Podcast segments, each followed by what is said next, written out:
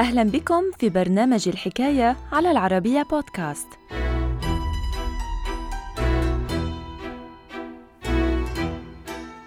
في أكتوبر 1814 حدث انفجار رهيب بغرفة التخزين في واحد من أشهر خمسة مصانع البيرة السوداء في كامل إنجلترا تسبب في مقتل ثمانية أشخاص وإصابة المئات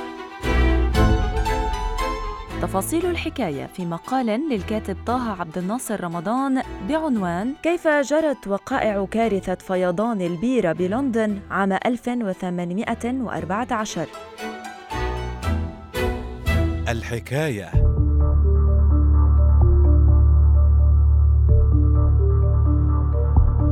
يوم السابع عشر من أكتوبر عام 1814 كانت منطقة سانت جيلز بمدينة لندن على موعد مع كارثة غريبة وغير مسبوقة على مر التاريخ.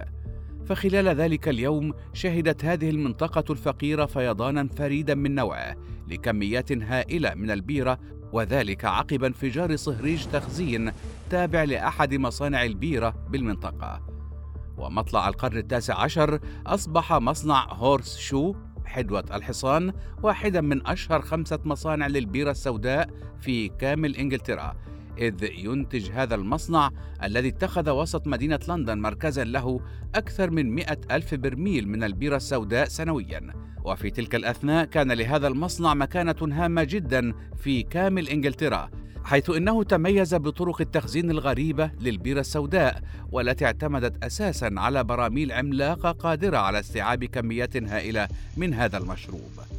يوم السابع عشر من أكتوبر 1814 وفي الساعة الرابعة والنصف مساء قام مسؤول الصيانة والتخزين بالمصنع جورج كريك بجولته التفقدية المعتادة لبراميل التخزين العملاقة المصنوعة من الخشب والمطوقة بالحديد الصلب. وخلال تلك الفترة كانت هذه البراميل العملاقة مليئة بالبيرة السوداء التي كانت في طور التخمر منذ أكثر من عشرة أشهر. خلال جولته التفقدية لاحظ كريك مشكلة بأحد براميل التخزين العملاقة حيث ظهرت تشققات في طوق إحداها الحديدية لم يعر المسؤول أي اهتمام لهذا الأمر فبالنسبة إليه كان شيئا عاديا وبدل إخبار لجنة الصيانة وتحذير جميع الموجودين بالمكان فضل انتظار حلول اليوم التالي للقيام بذلك. وفي الخامسة والنصف مساء من نفس ذلك اليوم السابع عشر من أكتوبر عام 1814 وبعد ساعة واحدة من نهاية جولته التفقدية سمع كريك انفجارا رهيبا بغرفة التخزين. حيث انفجر برميل التخزين العملاق الذي كان يعاني من تشقق في طرفه الحديدي. ليلقي ما قدره 600 ألف لتر من البيرة السوداء في المناطق المحيطة به. وفضلا عن ذلك تسبب هذا الأمر في تخريب عدد من براميل التخزين القريبة ليؤدي كل ذلك إلى تسرب ما قدره مليون وأربعمائة ألف لتر من البيرة بالمناطق المحيطة بالمخزن.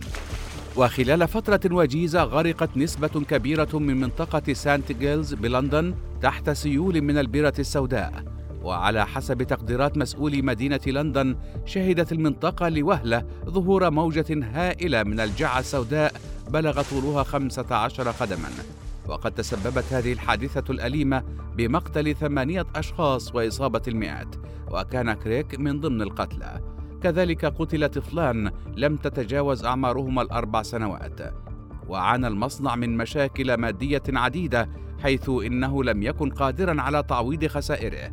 كذلك أقدم الأهالي على تتبع مسؤولي المصنع أمام القضاء. ولتجاوز هذه الأزمة اضطر مسؤول هورس شو إلى طلب المساعدة من البرلمان والذي جاء رده بالموافقة.